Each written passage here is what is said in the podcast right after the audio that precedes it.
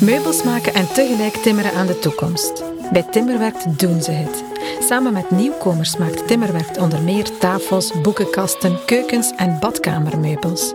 En te midden van al dat opmeten, uitzagen, hameren en bijschaven ontstaan er unieke uitwisselingen, andere werkmodellen en nieuwe verhalen. Dit is Timmerwerkt, een podcast over timmeren aan de toekomst. Aflevering 5. Stichteritis.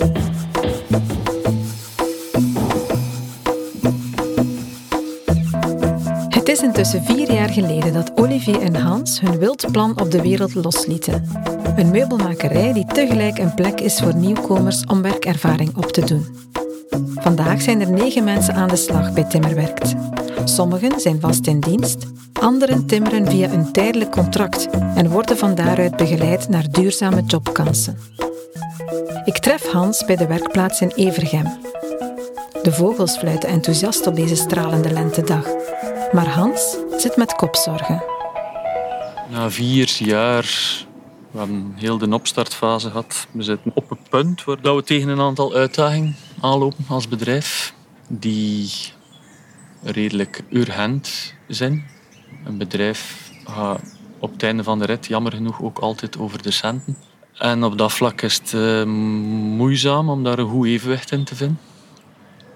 Het grote experiment dat we vier jaar geleden zijn aangegaan met Timmerwerkt, is om een gezond bedrijf in de wereld te zetten en dat te combineren met een zeer warme en menselijke insteek.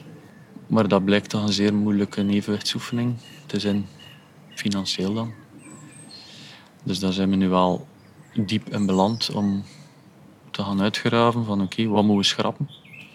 Waar moeten we bijsturen? Hoe kunnen we rendabeler worden om te overleven eigenlijk als bedrijf?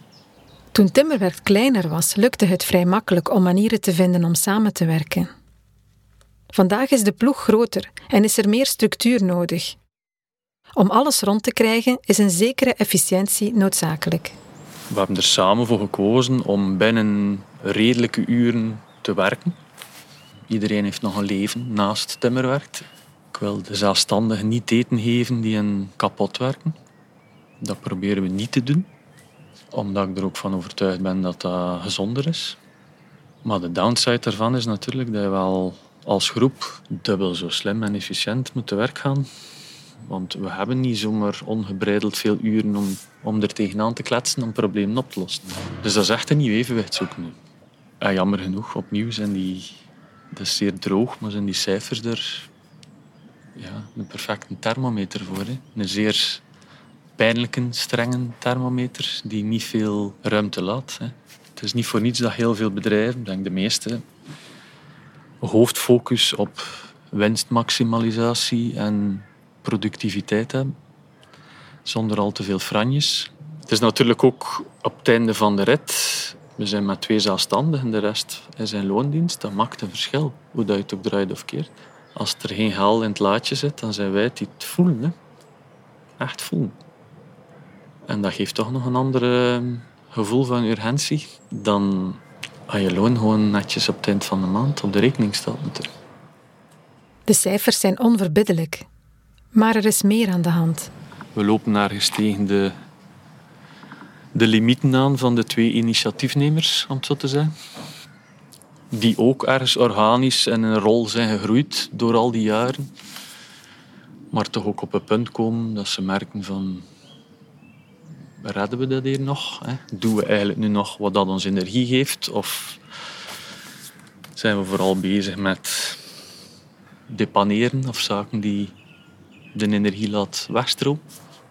Dat waar Hans op dit moment tegenaan loopt, heeft een naam. Funderitis, of in het Nederlands, stichteritis. Het begint vanuit een gedrevenheid en enthousiasme met een verhaal om dat in de wereld te zetten. Dat heeft een tijd nodig om te groeien en op een bepaald moment komt het op een soort plateau uit, waarin dat je in een bepaalde rol terechtkomt Ehm, die niet per se de rol is die compleet aansluit bij wie dat je bent. Waardoor dat je begint te merken dat je minder energie krijgt uit hetgeen dat je aan het doen bent. Maar dat is natuurlijk een potentieel ehm, risico voor het bedrijf aan zich. Eigenlijk zou timmerwerk moeten blijven rechtstaan. Dat is nu hypothetisch, dus niet dat ik dat van plan ben. Maar als ik stop of Olly stopt, staat timmerwerk nog recht. Dus dat behaalt op een bepaald moment een risico voor het voortbestaan van de onderneming. Dat is in mijn ogen die founder right is. Hans zou willen experimenteren met een ander soort leiderschap. Dat leiderschap is iets die in onze ogen altijd een gedeeld en gedragen verhaal geweest is. Ik, ik heb mezelf nooit als de chef gezien. Ik denk ook zo niet na. Iedereen brengt vanuit zijn eigen talenten en zijn eigen invalshoek wel iets bij. Dat is altijd een insteek wel geweest. Maar dat vergt toch een soort uh, mindshift.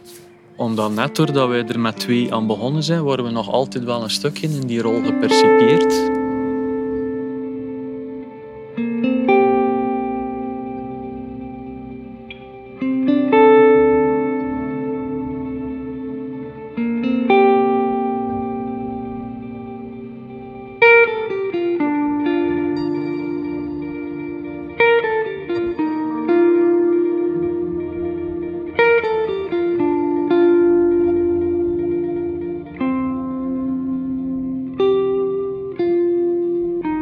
Is Senne.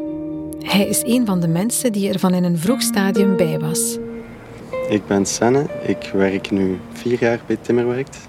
Vanaf de start ongeveer. Ervoor heb ik grafische en digitale media gestudeerd. En ik heb dan beseft tijdens mijn stage, onder andere, dat het toch niet is wat ik voor de rest van mijn leven wil doen. Ik heb wel mijn diploma gehaald, maar ik ben dan al vrij snel gaan zoeken. En dan ben ik bij houtbewerking terechtgekomen, meubelmaken. Ik ben benieuwd hoe hij kijkt naar de bezorgdheden van Hans. Ja, het kwam niet als een verrassing, maar het is wel iets nieuws voor mij ook, omdat ik nog niet heel veel werkervaring had. En om dan nu naar zo'n manier van werken toe te gaan, is wel ja, spannend. Maar het schrikt me niet af. Ik ben hier ingerold als ja, werknemer. We werken dus met twee werkgevers, Hans en Olly. En dan de rest van het team die op dit moment nog daaronder werkt als werknemer. Ik denk dat de bedoeling is dat we allemaal op één lijn zouden werken. Met allemaal onze verantwoordelijkheden. Ja, en dat, dan, dat is nog iets waarin dat we moeten groeien. Maar ik vind het wel al een, een mooi concept dat dat hier kan, op die manier. En dat ze daar naartoe willen werken. Dat vind ik wel heel leuk. Senne werkt voornamelijk in het atelier. Ik begeleid samen met Olivier nieuwkomers en stagiairs in het atelier. Ehm, dus we tonen ze hoe alle machines werken, hoe uh, onze werkwijze, hoe wij monteren, hoe wij afwerken. Um, ja, het Nederlands, alle vaktermen die wij gebruiken. En daarbij sta ik ook een groot deel van de tijd aan de CNC-machine. Um, en bestellingen ben ik ook mee bezig. Het valt wel eens voor dat er grappige situaties ontstaan door taalmisverstanden. Ik had uh, zuurpapier besteld en dat komt toe op van die grote rollen. En ik maak een grapje. Uh, ik zeg tegen Mohammed: Mohammed, hier, jouw wc-papier is toegekomen. Maar hij, verstond, hij had het niet begrepen. Toen heb ik het moeten uitleggen en dat was het ook helemaal niet meer grappig. maar zo'n dingen gebeuren wel vaak.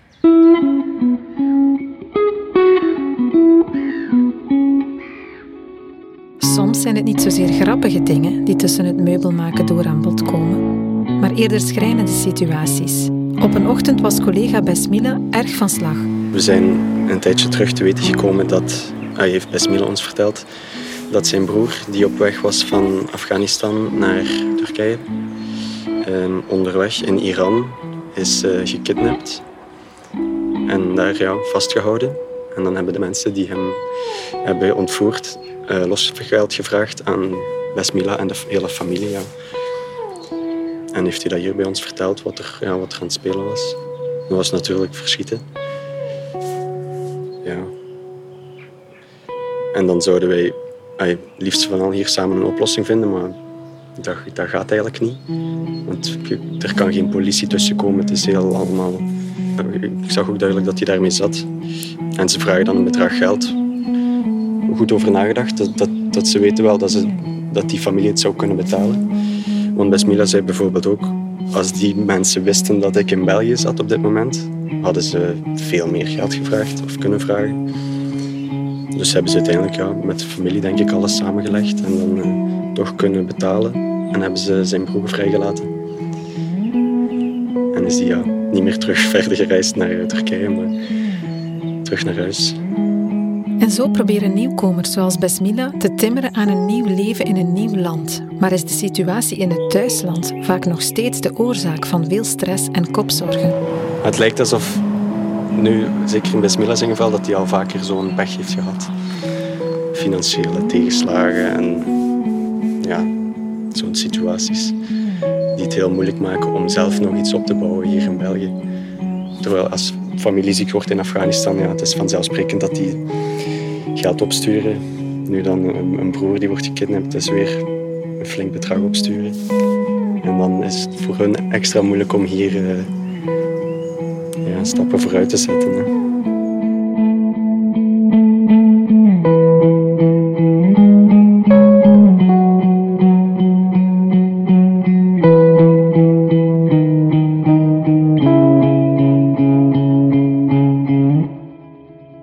Mensen waar Senne op de werkvloer nauw mee samenwerkt, is Omar. Omar is 37, hij komt uit Irak en hij is sinds 4,5 jaar in België. Senne was eh, echt vriendelijk en veel meehelpen voor e-mail sturen. Maar Sunny is, die is dicht bij mij. Die is altijd dicht bij mij. Bijvoorbeeld, uh, ik heb andere vriend, maar de vriend is een beetje ver van mij. Ik kan niet altijd vragen hem of zo. Maar Sunny is dicht bij mij en uh, echt, hij heeft, hij heeft geduld. Hij heeft uh, relax en ik heb geleerd van hem om te relax worden. Omar deed al aan meubelmaken in Irak. Hij runde een kleine werkplaats met zijn neef. We hebben een kleine atelier in mijn land, maar specifiek met de deur maken, niet uh, meubel maken. Het is een beetje een andere soort. Ik heb ervaring met de boekhouder. Ik zou graag terug boekhouder werken, maar uh, ik heb een probleem met de taal en ik heb geen geduld nog uh, beginnen studeren. Ik wil eerst getrouwd en dan ik zal denken om te studeren boekhouder. Omar vertelt glunderend over zijn aanstaande. Hun families hebben altijd in dezelfde buurt gewoond. Op papier zijn ze al getrouwd. Dus onze cultuur is een beetje verschillend van jullie. Ik ben getrouwd, uh, getrouwd, op de papieren. Maar uh, in, onze cultuur, als de vrouw is niet met jou wonen, jij, jij bent niet getrouwd. Voor de papieren is het niet belangrijk. Het is belangrijk dat de vrouw met jou wonen. Omar kan niet wachten tot zijn vrouw bij hem in België is. Op dit moment studeert ze in Turkije. Ze is er bezig met een master in de economie. Omar is intussen begonnen met de procedure voor gezinshereniging. Ik ben niet zeker wanneer uh, zij, zij, mijn vrouw komt, want ik moet wachten. Dus interviewen en dan. Uh, de overheid, commissariat uh, bekijken voor het dossier en dan beslissen nemen en dan heb mijn visa van mijn vrouw komt naar hier. Maar ik hoop dat snel mogelijk om een uh, kleine familie te maken. Zou Omar er naar verlangen om ooit naar Irak terug te keren? Komt me, ik kwam naar België door de oorlog. Mijn stad in mijn land eh, was echt niet veilig. Uh, eh, IS, komt daar en uh, bezit daar. En ik heb naar Turkije geweest. Bleven, ik heb gedacht een maand of twee maanden de oorlog gestopt, maar de oorlog blijft tot nu. En ik kwam te België en ik vind het hier is leuk en hier is veilig plaats. En uh, goed economie, ik kan uh, werken, ik kan uh, vinden de job. En het eerste jaar van België was een beetje moeilijk voor mij. Is andere cultuur, andere traditie, andere taal. Ik was echt niet tevreden van mezelf. Want ik niet begrepen Wat, wat moet ik doen? En na drie jaar, mijn taal is een beetje beter. En ik heb gevonden uh, ander werk. Maar nu, ik wil niet terug naar mijn land. Ik wil blijven hier. Want als iemand vindt een plaats is veilig en vindt een werk, dat is uh, zijn plaats. Dat is zijn land of zo. Ik vraag aan Omar hoe hij naar de toekomst kijkt. Als hij bijvoorbeeld fantaseert over zijn leven binnen 20 jaar, hoe ziet dat er dan uit? 20? Ja, ik heb geen plan voor 20 jaar. Ja, ik weet niet. Maar het droom... Familie maken. En uh, krijgen drie kindjes.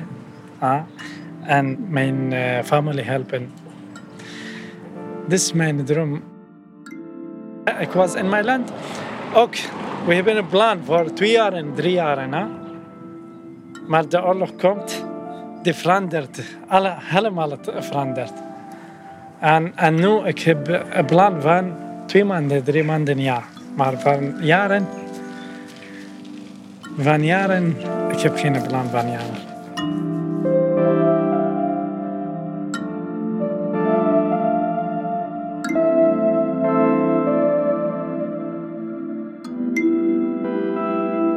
Om af te sluiten vraag ik nog aan Omar naar een situatie die hem is bijgebleven uit zijn eerste jaar dat hij in België was. Toen een jaar in België woonde, had ik eh, met een vrouw besproken. En was mijn eh, taal is echt slecht. En ik heb gezegd van haar, dat is echt een rare situatie. Zij heeft me gezegd, Omar, gaat jij met mij naar een restaurant? Zij leert mij Nederlands gaat jij met mij naar het restaurant? En ik heb geantwoord van haar, ja, ik heb er zin in. En zij, zij was is heel boos. Dan van mij en uh, een beetje roepen van mij en dan, dan. Ik heb gezegd, waarom? Ik heb, ja, wat ik heb gedaan. En dan zij is vertel wat betekent ik heb er zin in. Ik blijven de zin maken. na Ik heb er zin in naar een restaurant gaan. ja, en dan ik beschaamd van die situatie. ik niet bedoel dat. Ik bedoel anders. maar... maar heb het kunnen uitklaren. Het is goed gekomen. Ja, ja. ja, ja. en zij heeft me gezegd, uh, geef me advies. Dus mag niet zeggen van de vrouwen en die mag niet zeggen van maar het is goed, hè? goed idee als iemand de fout gedaan, uh, hij is snel leren. Hè? Als niet fout gedaan, niet leren. Hè? Dit was de vijfde aflevering van Timmerwerkt, een podcast over timmeren aan de toekomst. Ik ben Eva de Grote en ik maakte deze aflevering met Ruben Nachtergalen. Samen vormen wij audiomakerij Selkie. De begin- en eindtune is van Hans Grijjaard en Jurgen de Blonde.